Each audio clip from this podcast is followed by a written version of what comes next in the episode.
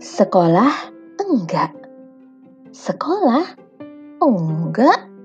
Sekolah di rumah aja. Udah yakin bisa dampingin anak-anak sekolah dari rumah sampai akhir tahun nanti? Jangan galau sendirian, Bun. Cus kita ngobrol di Bunda Story Podcast.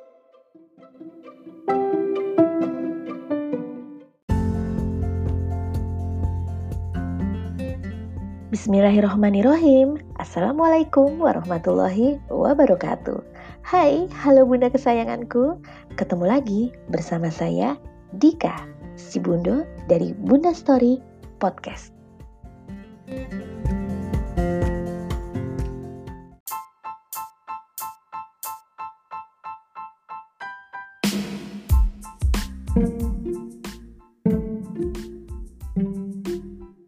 Nah bun, sudah pada dengar kan hasil keputusan bersama dari Mas Menteri Nadiem Makarim dan kawan-kawan di tanggal 15 Juni kemarin? Iya, yang tentang prinsip kebijakan pemerintah mengenai penyelenggaraan pendidikan ya pada tahun ajaran dan akademik baru selama COVID-19 ini. Gimana pendapat Bunda nih? Ada yang merasa happy karena anak-anak akan tetap belajar di rumah. Ada yang merasa galau karena aduh ini bakal lama banget di rumah gitu. Pusing-pusing dikit atau santai aja. gini gini gini gini. Kita akan bahas di sini karena Bunda punya tips yang keren banget buat Bunda yang nggak bikin Bunda ngerasa galau sendirian. Apa itu tipsnya? BKS apa sih kepanjangan BKS? Yang pasti bukan Bekasi, bukan juga bungkus, tapi apa hayo? Entar dulu ah ngasih taunya. Gini bun, kita balik lagi ke masalah ini ya, panduan penyelenggaraan yang kemarin udah diumumkan sama pemerintah. Kan tahun ajaran baru bakal tetap jatuh di bulan Juli 2020. Tapi sistem belajarnya itu ditentukan oleh zona-zona daerah masing-masing. Yang zona kuning, orange, merah itu dilarang tatap muka. Tapi yang zona hijau boleh melakukan pembelajaran tatap muka dengan syarat-syarat tertentu. Ya. Dan yang zona hijau itu hanya sekitar 6% kalau nggak salah kemarin uh, gugus tugas Covid menghitung jumlah daerah yang benar-benar zona hijau. Tempat saya sendiri termasuk di zona kuning, jadi udah harus bersiap bahwa anak-anak akan belajar di rumah aja. Nah, belajar dari rumah itu membutuhkan effort besar dari orang tua, khususnya buat para ibu, khususnya buat para ibu yang memang mau nggak mau, ibulah yang lebih banyak bersentuhan dengan anak-anak selama 24 jam di rumah. Kalau bahas masalah keputusan ini sebenarnya bisa dari sisi akademis juga banyak yang harus dibahas. Dari segi ekonomi juga, dari segi kesiapan orang tua apalagi. Nah, kita kali ini akan bahas dari segi kesiapan orang tua. Bagaimana orang tua mempersiapkan diri untuk mendampingi anak-anaknya di rumah, belajar dari rumah, belajar secara daring atau online, belajar bersama orang tua yang tingkat pendidikannya berbeda-beda. Iya kan? Pokoknya jangan khawatir sih sebenarnya pun. Sebagai warga negara yang baik, kita tetap harus patuh dengan apa pun keputusan yang diambil pemerintah. Insya Allah itu yang terbaik, iya kan? Jadi kalau memang dikasih keputusannya seperti ini, tetap memperpanjang uh, masa belajar di rumah, ya kita terima aja. Nah, tinggal sebagai orang tua, sebagai ibu, kita juga harus mempersiapkan diri. Kalau sebenarnya kita masih ada waktu ya sebelum ajaran baru dimulai, ini kan bulan Juni. Hmm, ajaran baru dimulai masih satu bulan lagi di bulan Juli. Pasti sekolah juga sudah menyiapkan dan memperbaiki strategi belajar daring mereka yang selama ini mungkin dadakan, kemarin-kemarin masih dadakan. Saat ini untuk tahun ajaran baru pasti sudah lebih mantap, sudah lebih terstruktur, sudah lebih terorganize Dan guru-guru juga mungkin sudah lebih dibekali kemampuan untuk melakukan pengajaran secara jarak jauh melalui teknologi internet, daring, online, dan segala macamnya. Jadi sekarang yang pertama kali yang harus disiapkan adalah kitanya nih, ibunya. Ada ibu yang merasa santai aja, kita lihat aja nanti gitu ya.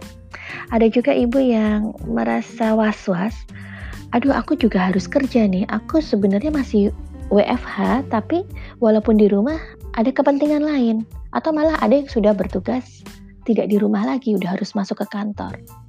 Atau memang ada ibu yang di rumah saja seperti saya melakukan semua kegiatan dari rumah yang juga merasa galau.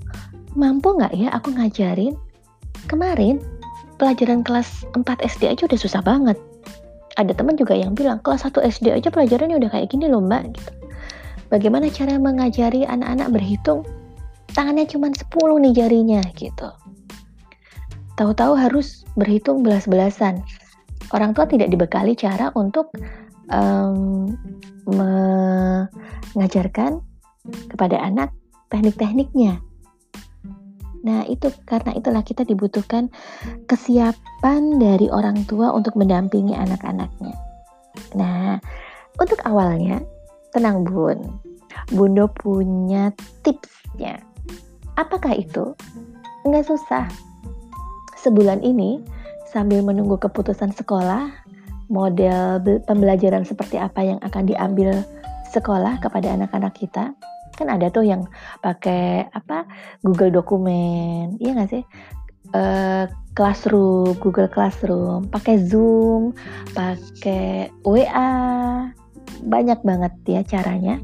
Sambil kita menunggu bagaimana uh, sekolah akan memberikan uh, pembelajarannya kepada anak-anak kita secara daring, kita sendiri udah harus punya um, kepercayaan diri, keyakinan dan yakin bahwa kita bisa, kita bisa dampingin anak-anak kita meskipun kesibukan kita banyak banget. Kayak yang tadi Bundo bilang, kita punya tips. Bundo mau kasih tips judulnya BKS.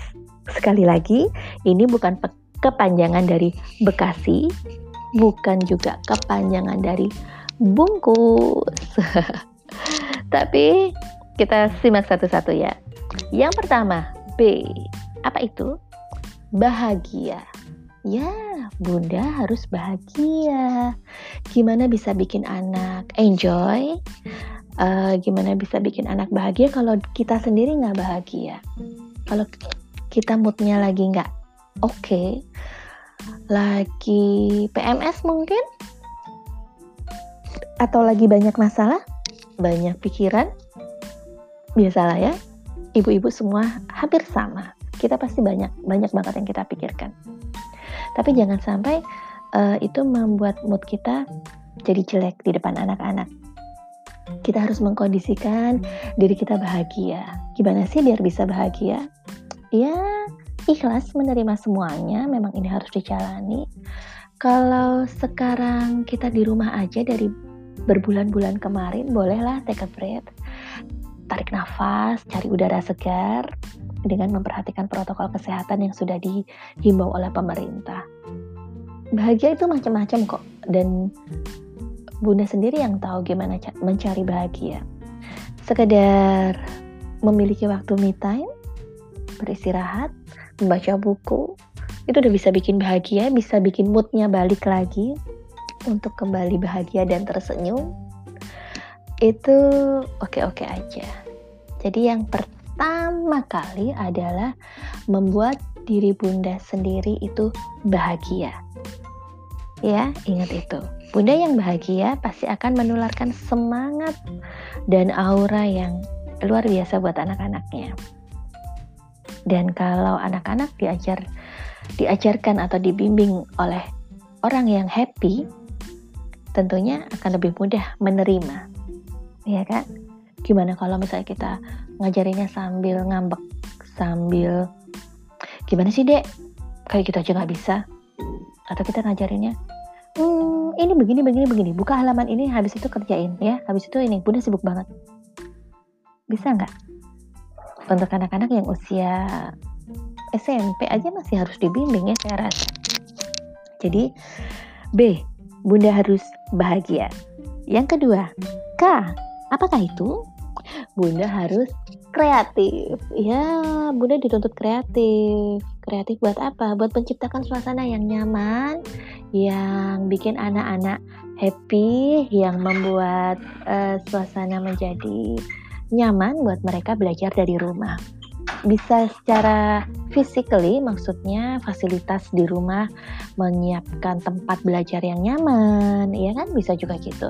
Uh, mungkin dengan pernak-pernik yang lucu, bisa juga kreatifnya dengan cara mengajar, misalnya dengan nanti mungkin merekam suara-suara, menyaksikan video bersama dengan anak-anak. Pokoknya mesti kreatif, iya, sesuai kebutuhan anak-anak. Jadi, selain bahagia, yang kedua kita harus kreatif. Yang ketiga adalah tadi udah B, K, sekarang apa? Yes, S. Apakah itu? Bunda kudu sabar, sabar setabar-sabarnya. Ini yang paling penting banget. Karena pasti mendampingi anak selama 24 jam itu butuh kekuatan yang luar biasa dan kesabaran tingkat tinggi. Di saat kita fokus mau belajar, anaknya lagi nggak fokus. Giliran ngajarin si kakak, adiknya rewel. Iya nggak sih bun? saya sendiri ngalamin kayak gitu dan sabar itu luar biasa diuji pada saat seperti ini jadi kita harus sabar nah gimana kita masih punya waktu satu bulan untuk melatih tiga hal ini sebelum kita benar-benar mendapatkan sistem pembelajaran secara daring dari sekolah yang resminya bagaimana. Jadi nggak usah dipikirin deh nanti gimana sekolah uh, materinya gimana ininya gimana. Saya rasa pasti mereka sekarang sedang menggodok banget banget matang-matang bagaimana bisa mentransfer ilmu kepada anak didiknya ya tugas kita itu tadi BKS jangan lupa. Apa itu? Bahagia kreatif sabar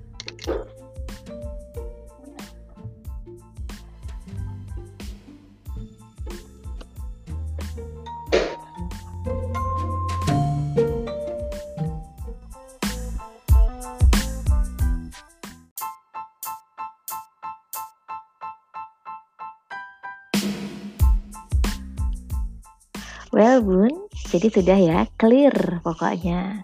Kita terima semua keputusan ini dengan lapang dada, nggak usah banyak protes, baik itu ke sekolah, ke guru, atau ke mana aja. Kita terima aja keputusan ini. Kita masih punya waktu satu bulan sebelum pembelajaran dimulai. Kita bisa biasakan tips yang tadi saya kasih, apa itu? BKS, ingat ya. Bahagia, kreatif, sabar. Pokoknya selama satu bulan ini kita biasakan. Kita biasakan dengan BKS itu, insya Allah nanti setelah pembelajaran daring dimulai, kita sudah siap mendampingi anak-anak kita dengan sebaik mungkin. Oke? Okay? Terima kasih sudah mendengarkan dan sudah bersama Bunda Story Podcast.